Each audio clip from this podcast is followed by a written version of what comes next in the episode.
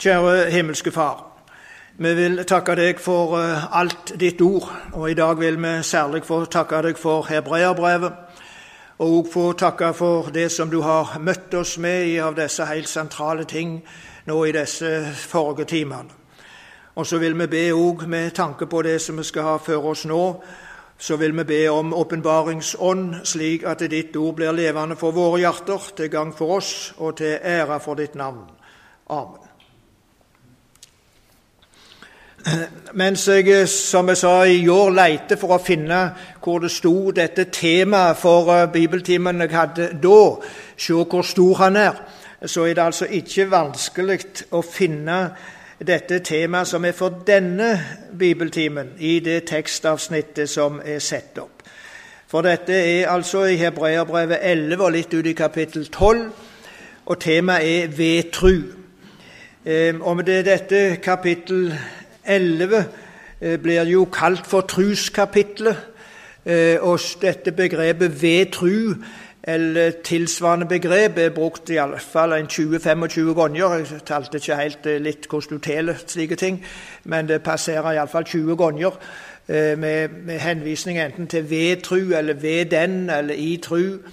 Så selve trusbegrepet er her veldig sentralt.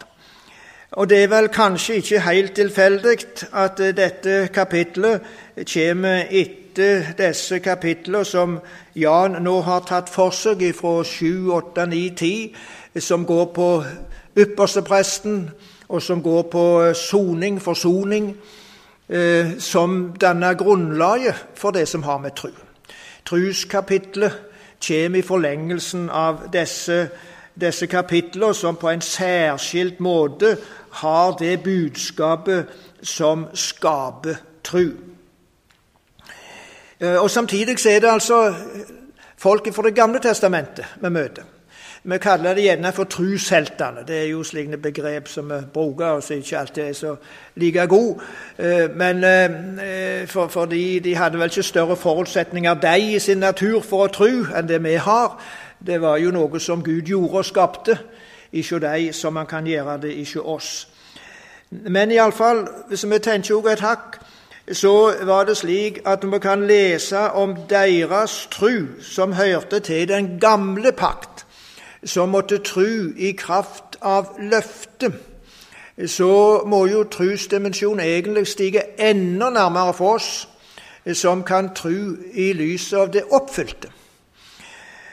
Ehm, nå eh, skal vi ta for oss noen ting ned igjennom. Og vi tar det egentlig eh, kronologisk, ikke alt som vi skal stoppe like mye for.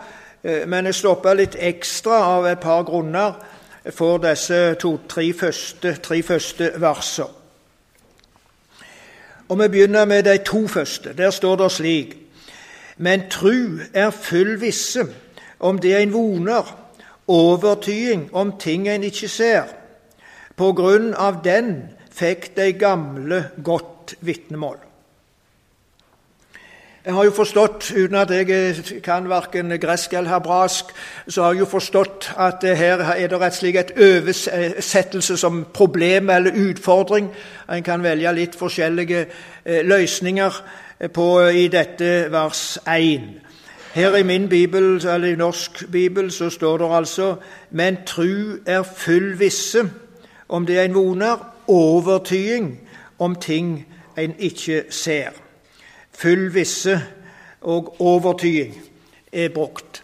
Eh, andre bibler har eh, uttrykk i retning, men tru, tru det er pante på det som en håper. Det er sikkerhet. Jeg så i en engelsk bibel der sto det brukt ordet assuranse. Altså en form for, eh, for sikkerhet, trygghet, som du har, har fått. Um, så, så, disse legger egentlig litt ulik vekt på hva som ligger i dette her, eh, uten at jeg skal gå inn i akkurat den sida ved det. Men det som det da peker på, det er for det ene at det er full visse om det er en voner. Altså, det, det har med å, å, å ha en trygghet i sitt kristne håp.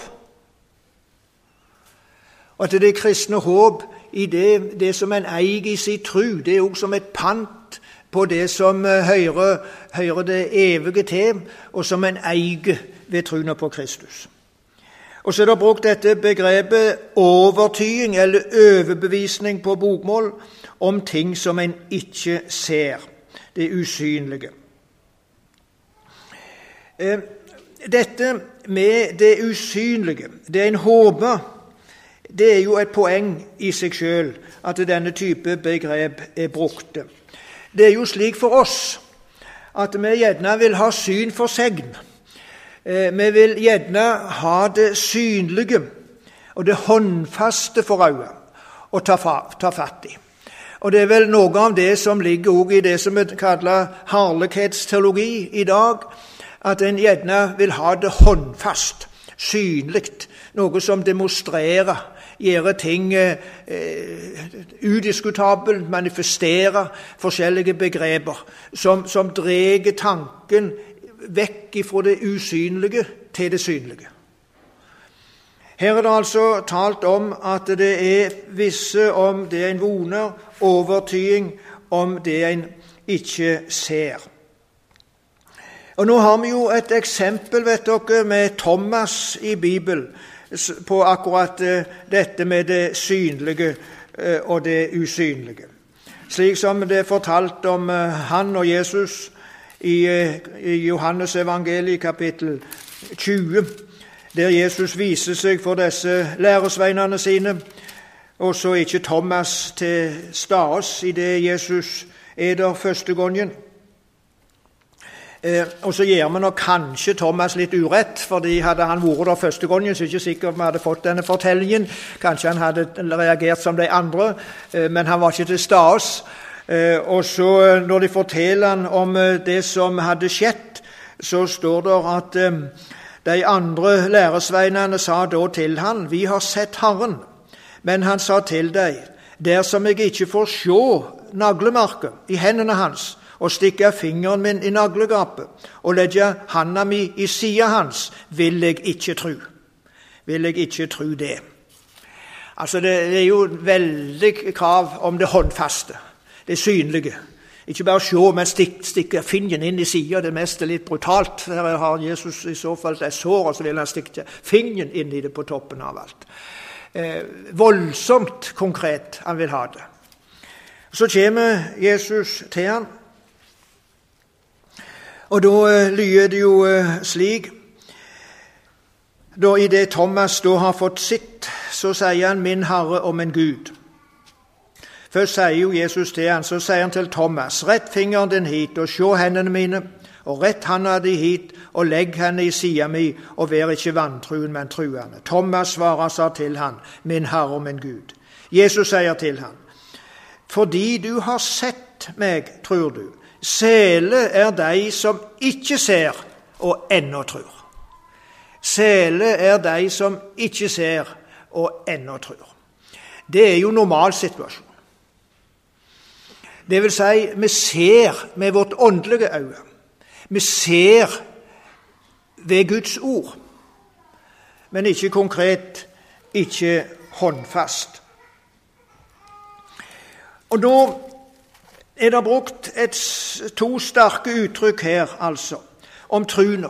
Den tru som skapes, den tru som griper det usynlige. Det er brukt to sterke uttrykk at det er full visse. Og det andre, det er overtyding. Og La meg få bruke et par ord om dette siste. Tru, det er overtyding, overbevisning, om ting en ikke ser.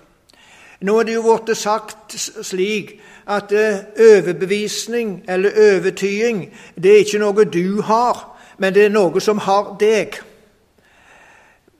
Overbevisningen eier deg, slik at du handler etter det som du er overbevist om.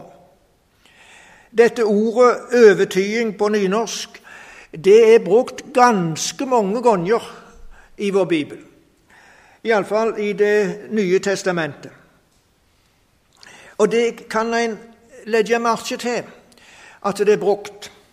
Og det er brukt om noe som vi har, noe som er, med er overtydde.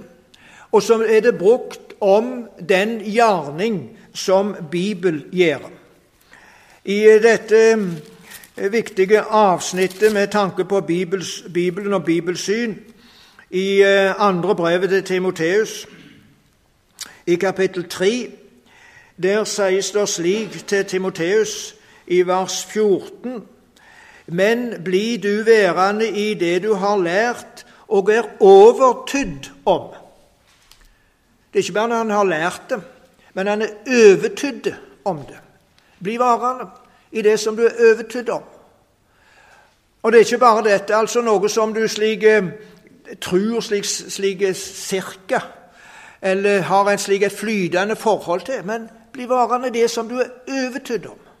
Det som har fanga deg inn. Og så står det lenger nede i vers 16 Hele Skrifta er innande av Gud og nyttig til lærdom, til overtyding og rettledning til oppseing i rettferd. Skrifta er nyttig til overtyding.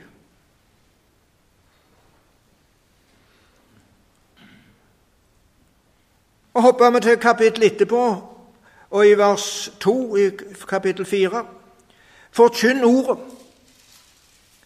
Vær budd i tid og utid, overtid. Tal til rette og tal til trøyst, påminn med all langmod og all ære. Overtid. Det er det som er Guds ords oppgave, og det er det som er forkynnelsens oppgave å overtyde. Skape en overbevisning som blir forpliktende, og som blir styrende for tenkning, for liv, for prioriteringer, for ens forhold til Gud. Og er det noen ord som egentlig ikke passer inn i vår tid, så er det ordet overtyding. Fordi det som vi kaller postmodernismen, som preger vår tid, den er preget av det stikk motsatte. Nettopp at du ikke verken skal bli overtydd eller kan bli overtydd. Ikke bare du ikke skal, men du kan strengt tatt ikke bli overtydd av noe som helst. Av eh, flere grunner. Det ene er at en har en språkforståelse som sier at språket som sådan ikke er i stand til å formidle et budskap, men bare lyder som folk oppfatter ulikt. Og i, det, i den språkforståelsen at språket ikke er i stand til å formidle et budskap som er bestemt, så kan naturligvis heller ikke språket bære med seg et budskap som overbeviser. Og det andre er at det strengt tatt ikke finner noen absolutte sannhet. Sannheten den er personlig og funksjonell. Den er slik at det som funker for meg, er sant for meg, og det som funker for deg og du er bevisst om, er, er greit for deg. Men du kan ikke gjøre en allmenn sannhet gjeldende og, og forplikte andre på den. Og Denne måten å tenke på, både om språket og om sannheten, undergraver den bibelske tenkning og den bibelske forkynnelse. Han undergraver forkynnelsen i sin helhet. Og det er en kjempeutfordring for oss. Fordi vi forkynner inn i ei tid der det med overbevisning egentlig er en umulighet. Men så er det ikke umulig like godt, fordi Guds ord har den evne at den overtyder. Den er nyttig nettopp til å overtyde. På tross av det som måtte være av tanker i tida og filosofier i tida, så overbeviser Guds ord. Slik at det skapes en overbevisning i oss. Og vi blir overtydde om det som ikke ser. Det som hører truna til. Og det gamle står der her. De fikk godt vitnesbyrd på grunn av den tru som de hadde. den tru som var full visshet, den tru som var en overbevisning, dvs. Si, den tru som hadde tillit til Gud og til Guds ord. Og så er det jo blitt sagt at det å tru, det er å komme til Jesus. Det å komme til Jesus særlig med sin synd, men med òg alt annet, ut ifra den tillit som vi får til Han ved Guds ord. Slik er truna omtalt her. Og så kommer det ned gjennom flere ganger dette ved tru. Altså ved denne tru som her er omtalt. Og vers 3. Ved tru skjønner vi at verden er skapt ved Guds ord, så det en kan sjå, ikke har blitt til av det synlige. Ved tru så skjønner vi, eller ved tru så forstår vi. Ofte så vil jo folk snu det på hodet og så si som så dersom vi kan forstå det, så vil vi tro det. De må liksom forstå alle ting for å tro det. Men Bibelen tar det motsatte utgangspunktet, altså. At det, er ved tru en forstår. Truna er en posisjon. Truna er en ståstad for å tenke og for å forstå. Det er et fast orienteringspunkt for ens tanke, slik at det går an å forstå den erkjennelsesposisjon. Og I realiteten så er det nok slik for alle mennesker at det er den type tru en måtte ha, som er utgangspunkt for måten en tenker på. Den som tror at Gud ikke fins, han tenker ut ifra det. Den som tror som en, som en muslim, tenker ut ifra det. Den som eh, tror som en agnostiker, tenker ut ifra det. Den som tror som en naturalist, tenker ut ifra det. Og den som ten, tror på Gud slik han har åpenbart seg i Bibelen, tenker ut ifra det. Truna er vårt orienteringspunkt for tenkning. Ved tru så skjønner vi, og hva skjønner vi som her er sagt? Jo, at det verda er skapt ved Guds ord, så det en kan sjå, ikke har blitt til av det synlige. Legg merke til akkurat det som her står. Ved tru skjønner vi at verda er skapt ved Guds ord. Somme tider har brukt å si at Guds ord er konstituerende. Konstituerende. Og hva betyr det?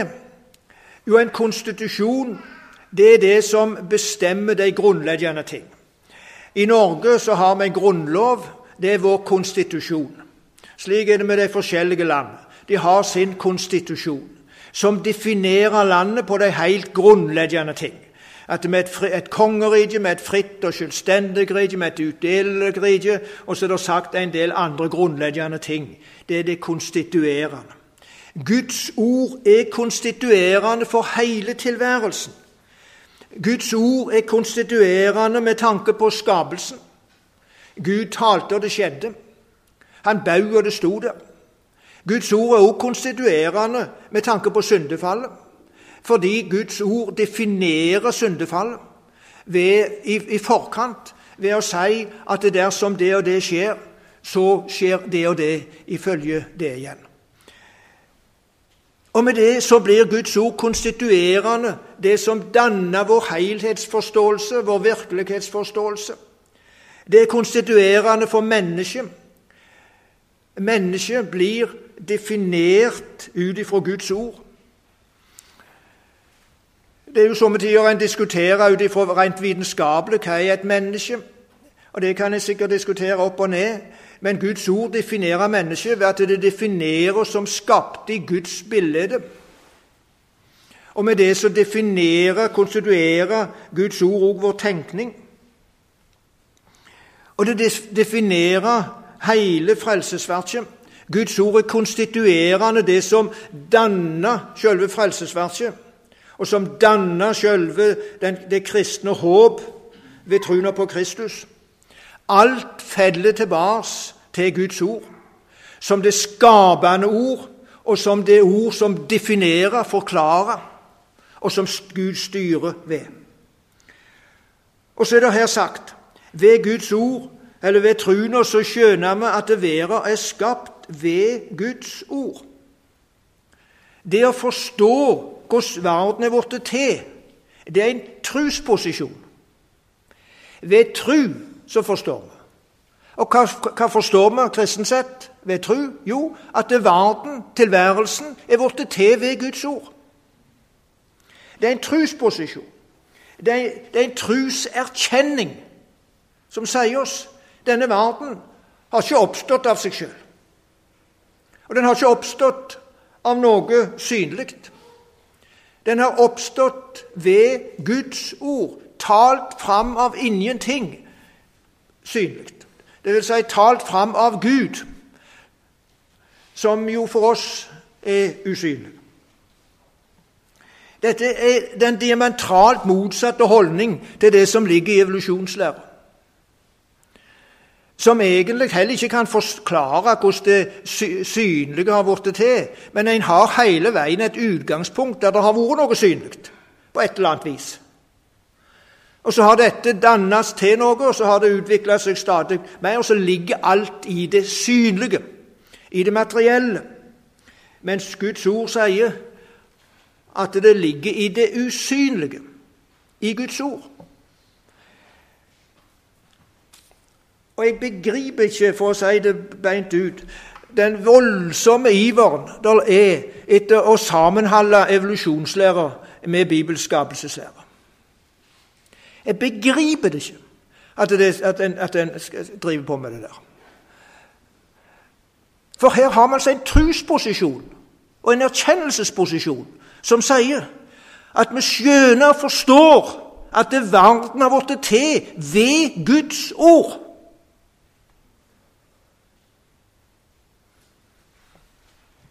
Det å orientere seg ut ifra tru, for tru når det gjelder skapelsen, har enorme konsekvenser kontra det å orientere seg ut ifra evolusjonslæra og, og naturalismen. Men en kan ikke si mer om det. Når disse ting slik grunnleggende er sagt nå, i starten av kapittel 11, så er det en hel rekke med navn som vi nevnte, som troen er knytta til. Vers 4. Ved tru vart Enok bortrykt, så han ikke skulle sjå døden. Han vart ikke funnet fordi Gud hadde rykt han bort.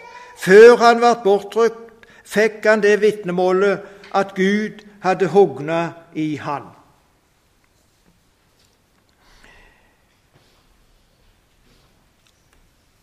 Ja, Nå hoppet jeg faktisk et hakk. Jeg skulle tatt vers 4 først, naturligvis. Jeg må hoppe tilbake. Det var Abel som var først. vers 4. Ved tru bar Abel fram for Gud et bedre offer enn Kain. Ved den fikk han vitnemål om at han var rettferdig for Gud, eh, var rettferdig, for Gud vitner om gåvene hans, og ved sin tru taler han ennå etter sin død. Den første som er altså nevnt det er Abel. Og han er nevnt ut ifra at han bar fram offer. Og Nå har vi jo hørt om offeret i disse forrige timene. Og alt av offeret føres egentlig fram til dette som Jan har snakket om i, i, i, i forrige time. Og Det er jo slik i Bibelen at Det gamle testamentet det er det vi kaller en framadskridende åpenbaring, som mange ting er, er, der fra starten, men de er ikke så utlagt og forklarte. Så blir det tydeligere til, til lengre fram vi kommer, og så blir det endelig fullys på det når vi kommer på Golgata og får det endelig åpenbart. Men det ligger her et offer ikke Abel som blir båret fram, som gjør at han er rettferdig for Gud. Truna er alltid knytta til offer, og med det til den rettferdiggjøring som springer fram av det. Den andre som ble nevnt, er altså Enok. Ved tru ble Enok bortrykt, så han ikke skulle se døden. Han ble ikke funnet fordi Gud hadde rykt han bort, for han ble bortrykt. Før han ble bortrykt, fikk han det vitnemålet at Gud hadde hogna i han. Men uten, uten tru er det umulig å være Gud til hogna. For den som stiger fram for Gud, må tru at Han er til, og at Han løner de som søker Han. Eh, bare et par ord om, eh, om eh, Enok. Han ble bortrykt, så han måtte jo forlate denne verden som relativt unge mann. Bare 365 år gammel. Stakkars han. Eh, Sammenlignet med Metusalem og co., som var slik godt og vel 900 år. Eh, og så er det en, en bortrykkelse, altså. Og Hvor mye vi skal legge i dette, at det nok ble bortrykt, er jeg ikke så sikker på. Eh, bortsett fra den forklaring som er gitt her, at Gud hadde hugna i ham. Og det var derfor han tok han til seg. Men iallfall er det et signal framover med det som skjer her, at det er noe som heter bortrykkelse. Og vi kan nå i det minste ta med oss det som eh, står i første Tessalonikerbrev eh, om, eh, om akkurat det. Fordi når vi leser i Det nye testamentet, og, og, og, skal skje det med oss som skjedde med Enok, at Herren tar oss hjem til seg, så skjer det, det ved oppstandelse og ved bortrykkelse. Det heter seg i kapittel 4 i første Tessalonikerbrev, vers 16 og 17. For Herren sjøl skal komme ned fra himmelen med et bydende rop, med en engels røyst eh, over engels røyst og med Guds basun, og de døde i Kristus skal først stå opp. Deretter skal vi som lever, som har blitt att, sammen med deg rykkjast opp i skyene opp i lufta for å møte Herren, og så skal vi for alltid være sammen med Herren. Enok var den første som ble bortrykt, og så vil det til sist skje det samme med alt Guds folk. Rykkes opp til Herren for evig å være i lag med Han. Og så skjer det noe mer seinere som vi skal komme tilbake til. Han var til hogna for Gud, sto der, ved tru. Truna blei rekna han til rettferd. Og disse, disse begrepene som her er, er, er brukte eh, At, at liksom truna ble regna til, til, rettferd, og måten dette er omtalt både med, med Abel og, og med, med, Enok Det er uttrykk som ofte egentlig ellers fører tilbake til Abraham, som vi møter seinere. Men truna som den som de ble rettferdiggjort ved, den lå der helt ifra starten. Og Så kommer vi til Noah i vers 7. Han har bare fått et vers. Ved tru bygde Noah i heilag frykt ei ark til frelse for huslyden sin, etter at Gud hadde varsla han om det som ennå ikke var sett. Ved den fordømte han været og vart arving til rettferda av tru. Og her er det brukt direkte 'rettferda av tru' knytta til Noah. Altså før Abraham si tid. Noah, om han står der at det var noe som var til frelse, og han var arving. Han var til arving til rettferda av tru. Og Legg merke til denne ting som måten det her er sagt. Det var altså ikke ved sitt byggearbeid Noah ble frelst. Det var ikke i og for seg ved at han bygde arken han ble frelst, men han ble frelst ved tru. Han trodde Gud, og konsekvensen av det, resultatet av at han trodde Gud, var at han bygde arka. Det er ikke byggearbeid han blir frelst med, men ved si tru. Og så har denne tru en konsekvens. Og som sagt, det med trusbegrepet knytter vi jo i Det gamle testamentet i stor grad til Abraham. Og Abraham har her fått et langt avsnitt fra vers 8 til 19. Ved tru var Abraham lydig da han ble kalt, så han drog ut til den staden han skulle få i arv. Og han drog av stad uten å vite hvor han skulle komme. Ved tru levde han i lovnadslandet som i et fremmed land han bodde i telt sammen med Isak og Jakob, som var medarvinger til den samme lovnaden. For han venter på byen med de faste grunnvollene, den som har Gud til byggmester og skaper. Ved tru fikk han og Sara kraft til å verte mor til ei ett, og det til Ved tru fikk òg Sara kraft til å verte mor til ei ett, og det trass i hennes alder, for helt han for trufast som hadde gjeve lovnad. Derfor kom det også fra ein, og det fra ein utlevd, ei ett så tallrik som stjernene på himmelen og som sanden ved havsens strand, som ikke kan teljes. I tru døde alle disse uten å ha fått det som var lova. Men de hadde sett det langt borte og helsa det, og de sanna at de var framann og utlendinger på jorda. For de som taler slik, gir meg det til kjenne at de søker et fedreland. Dersom de hadde tenkt på landet de drog ut fra, så hadde de hatt tid til å vende tilbake dit. Men nå er det et bedre land de stunder etter, det himmelske. Derfor skammer ikke Gud seg over dem for å verte kalla deres Gud, for han har gjort en by ferdig til dem. Ved tru bar Abraham fram Isak som offer da han, sette, da han ble sett på prøven. Ja, han som hadde fått alle lovnadene, bar fram eneste sønnen sin. Ennå det hadde blitt sagt til han, i Isak skal det nevnes ei ett åt deg. Han tenkte òg at Gud er mektig til å vekke opp fra de døde. Han fikk han da òg ende derifra som et førebilde. Bare en liten kommentar til det siste verset. Når det står her at Abraham tenkte at Gud var i stand til å vekke Isak opp ifra de døde, så står ikke det i første Mosebok 22. Det er ikke et ord om noen dødes oppvekkelse eller noen oppstandelse. Og så kan en jo spørre seg står det noe feil her, da? Sier det ikke med.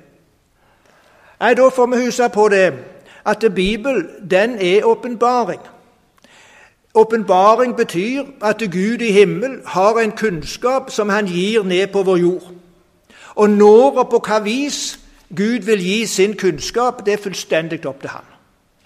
Så ga han altså en del av den åpenbaring, denne kunnskap, den ga han oss ved hjelp av første Mosebok 22, der det er fortalt om Abraham og Isak. Men han fortalte tydeligvis ikke alt, av en eller annen grunn. Av en eller annen grunn så venter Gud med å, å, å åpenbare dette om Abrahams tro på oppstandelsen til vi kommer til hebreerbrevet. Jeg må ikke spørre meg hvorfor han venter. Det vet jeg ikke. Men han venter iallfall.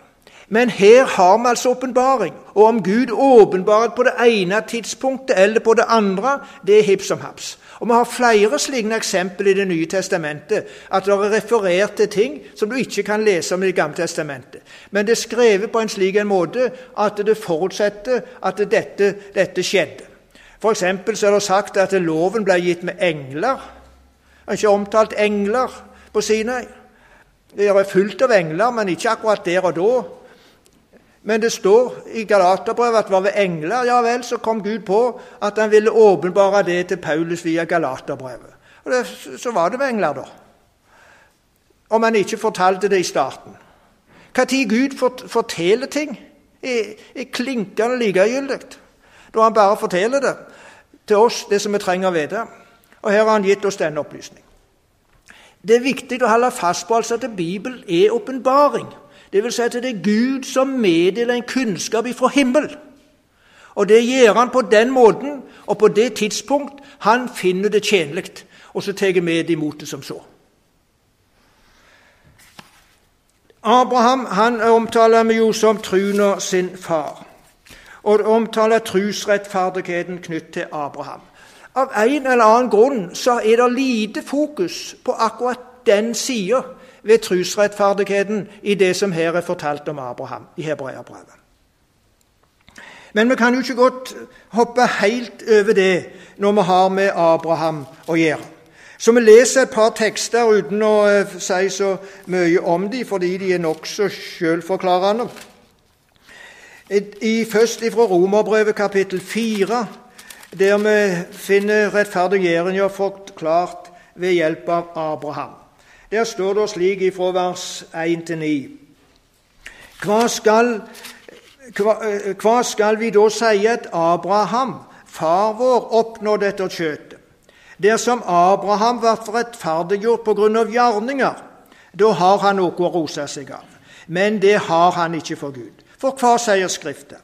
Abraham trodde Gud, og det ble regna han til rettferd.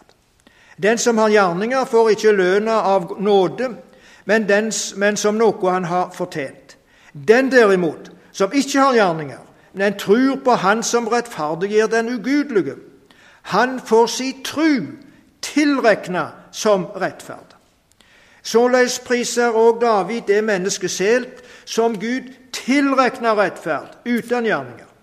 Sele er de som har fått bråta sine tilgjevne og syndene sine overbredde. Sel er den mannen som Herren ikke tilrekner synd. Er det nå bare de omskårne som således blir prisa sele, eller er det de uomskårne òg? Vi sier da at trua blir rekna Abraham til rettferd.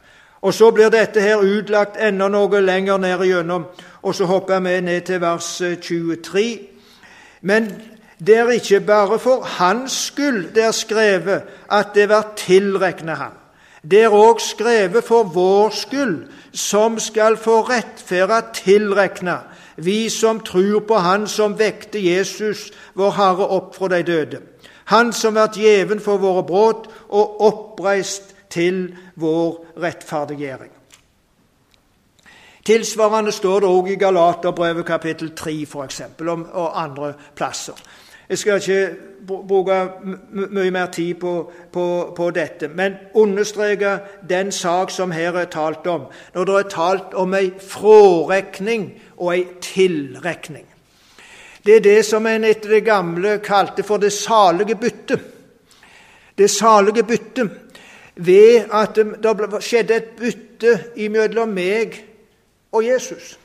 Min synd ble tilregna han.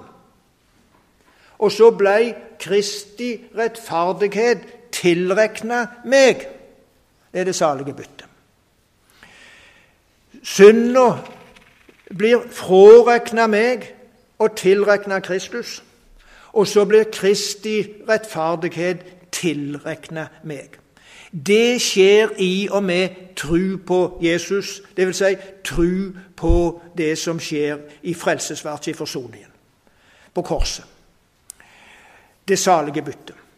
Og da er det sagt som eh, Jan hadde jo den siterte egentlig en formulering som ofte er blitt eh, sagt, at eh, når dette har skjedd, så ser Gud oss i Kristus som om vi aldri hadde synda. Det er liksom den gamle definisjonen det, på rettferdiggjøringa. At Gud ser oss i Kristus som om vi aldri hadde synda. Fordi det er Kristi rettferdighet som gjelder for oss. Dette er altså å bli rettferdiggjort ved tru, tilregna rettferdighet ved tru. Det som fokuset er på her når det gjelder Abraham, det er delvis på truslydigheten, men særlig på det at han hadde et håp om et himmelsk fedreland. Det hopper jeg over nå, så kommer jeg tilbake til det på slutten. Etter det med Abraham så er det nevnt eh, to-tre personer i eh, rask rekkefølge her. Og Det er Isak, Jakob og Josef fra vers 20. Eh, Ved tru var det òg at Isak velsigna Jakob og Esau med tanke på det som skulle komme. Ved tru velsigna den døyende Jakob hver av Josefs sønner og han tilba bøgd over knappen på staven sin. Ved tru tenkte Josef, før han døde, på at Israels barn skulle fare ut fra Egypt, og han ga påbud om hva de skulle gjøre med beina hans. Det sier ikke noe mer om enn det som jeg nå leser. Så er det en, en, eh, noen vers knytta til Moses. Ved tru holdt foreldra åt Moses barnet gjemt i tre måneder etter han var født. for de så hvor vent et barn han var, og de var ikke redde for kongebåren. Ved tru lekte Moses da han hadde blitt stor og kalla sønnen åt faros datter. Han valgte heller å lia vondt sammen med Guds folk enn å ha ei stuttvarig nyting av synda. Han holdt Kristi vanære for en større rikdom enn skattene i Egypten, for han så fram til lønna.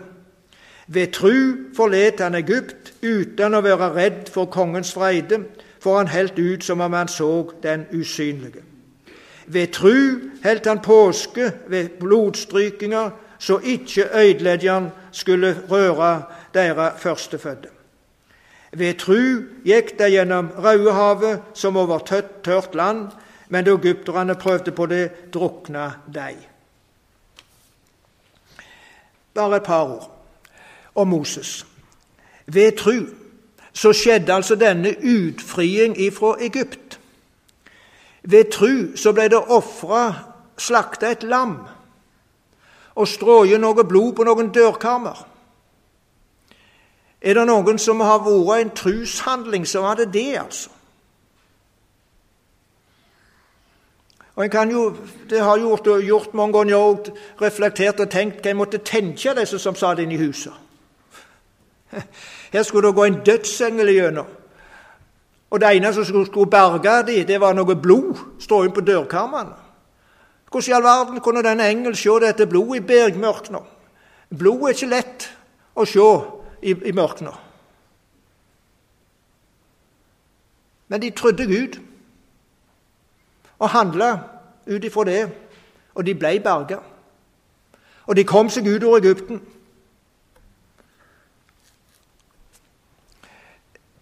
Menneskelig talt så var jo omtrent dette blodet på dørene usynlig.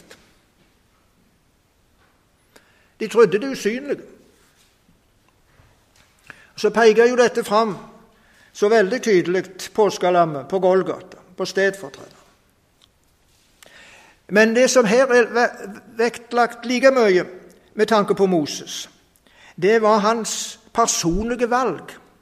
Det var hans prioriteringer. Han valgte heller å lia vondt sammen med Guds folk enn å ha ei stuttvarig nyting av synda. Han holdt Kristi vanære for en større rikdom enn skattene i Egypten, for han så fram til lønna. Det var trusvalg. Og han så det usynlige, det som hørte det åndelige og evige og himmel til. Og så handler han ut ifra det. Resten av kapittelet det omtaler de mange som òg trodde. Ved tru slapp sjøkja Rahab å omkomme sammen med de vantruende fordi hun tok imot speiderne med fred. Og hvorfor taler jeg lenger? Tida vil ikke strekke til om jeg skulle fortelle om Gideon, Barak, Samson, Jefta, David, Samuel og profetene. Ved tru sigra de over kongeriket. Handheva rettferd, fikk lovnad oppfylte, stoppa gapet på løver, sløkte eldskraft, slapp unna sverdsegg, fikk styrke etter sykdom, vært veldige i krig, fikk fiendeherrer til å vike.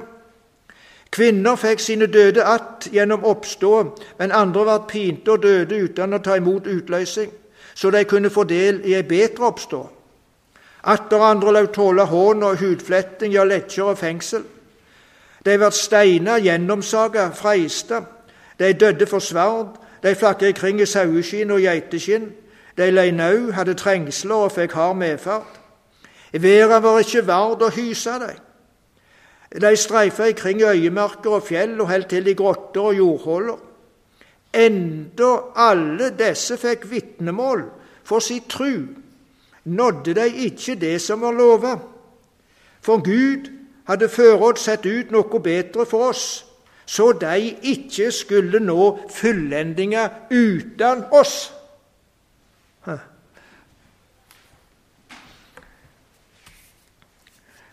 La oss før jeg sier noe mer om det, òg ta med de første versene i kapittel 12. Så la oss derfor etter de vi har så stor ei sky av vitner kring oss, ledde av alt som tynger, og synda som henger så fast ved oss, og renne med tålmod i den striden som ligger framfor oss.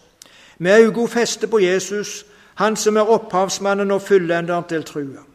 For å oppnå den gleda som venter han, lei han krossen med tålmod, uten å akte vanære, og har nå sett seg ved høyre side åt Guds trone. Ja, tenk på Han som holdt ut slik motseiing fra syndere, så det ikke skal verte trøtte i sjelene dykkar og verte motløse. Her fører dette temaet oss ved tru til Jesus. Han som altså er kalt både opphavsmann og fullenderen av truna. Alfa og omega. Første og siste i alle deler. Samme hva område du måtte tenke på, så er han den første og den siste. Opphavsmann og fullender. Og så er det sagt 'legg av synd og det som tynger', ved å se på Jesus.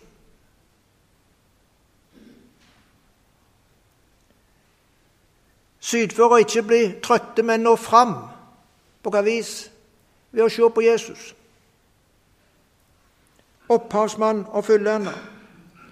Det vil si, hold deg til korset. Og skal vi kunne holde oss til korset, så er det alltid ordet om korset.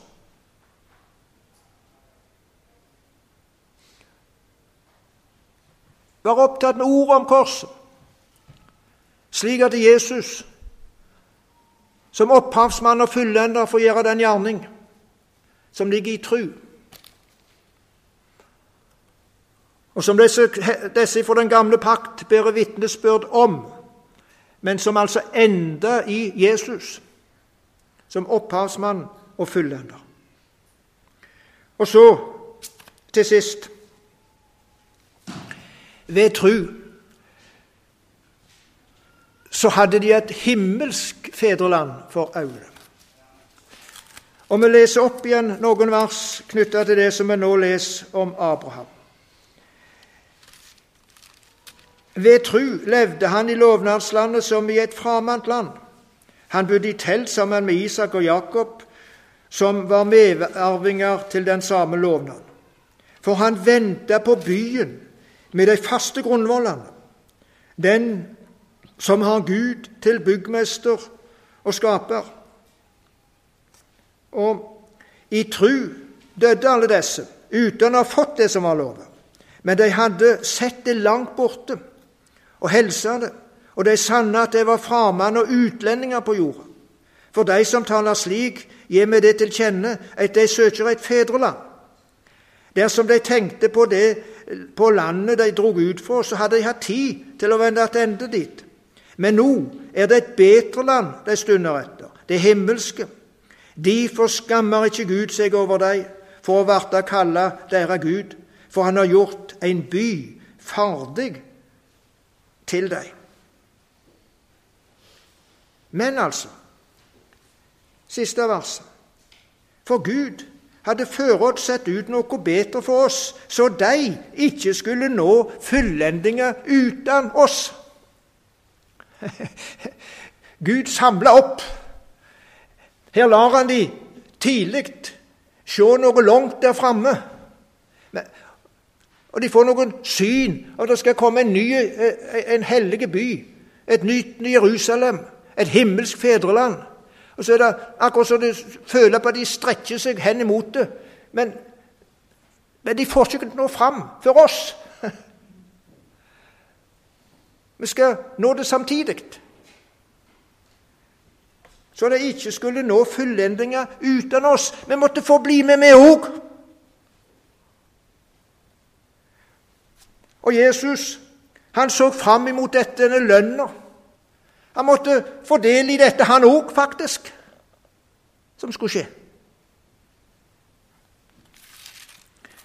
Og så har vi lest, og vi leser opp igjen og, og tar med enda en plass, om dette som da skjer når det skjer med oss samtidig.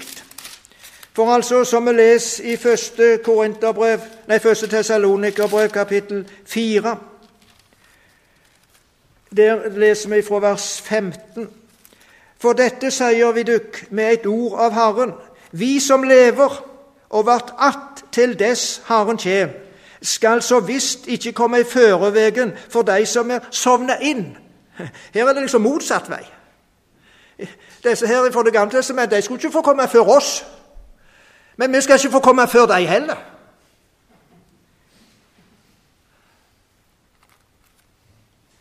For Herren sjøl skal komme ned fra himmelen med et bydende rop, med en overengels røst og med Guds basun, og de døde i Kristus skal først opp. Deretter skal vi som lever, som har vortes att, sammen med de rykkes opp i skyene, opp i lufta, for å møte Herren, og så skal vi for alltid være sammen med Herren. Trøyste hverandre med disse ordene. I dette oppstandelseskapitlet i 1. Korinterbrev 15 finner vi den, eh, den samme tanke når det fra vers 51 der står slik Sjå, jeg sier dere en løgndom. Vi skal ikke alle sovne inn, men vi skal alle verte omskapte i eit nå, i en øyeblink ved den siste basun. For basunen skal ljome, de døde skal stå opp, og uforgjengelige, og vi skal verte omskapte. For dette, for dette forgjengelige må verte kledd i uforgjengeligdom, og dette døyelige må verte kledd i udøyeligdom. Men når dette forgjengelige har blitt kledd i uforgjengeligdom, og dette døyelige har blitt kledd i udøyeligdom, da vart det ordet oppfylt som skrevet står, døden er oppslukt til seier. Og da skal Gud være alt i alle.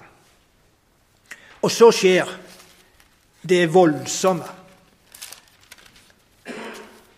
Der de ifra den gamle pakts tid, med ifra den nye pakts tid, de som er døde når Herren kommer igjen, og de som lever, og Gud sjøl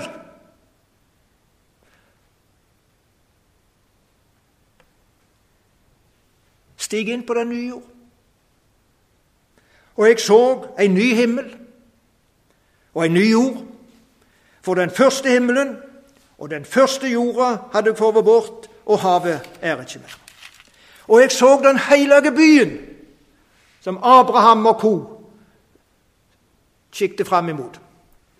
Den ser Johannes.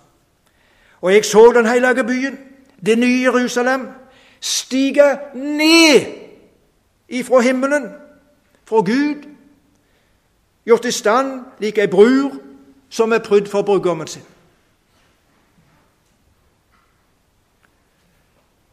Da når en samtidig alt Guds folk inn på den nye jord. Men det stoppa ikke der. Fra trona hørte jeg ei høg røst som sa:" Sjå, Guds bostad er jo mennesker. Han skal bu hjå deg, og de skal være hans folk, og Gud sjøl skal være hjå deg og være deira Gud.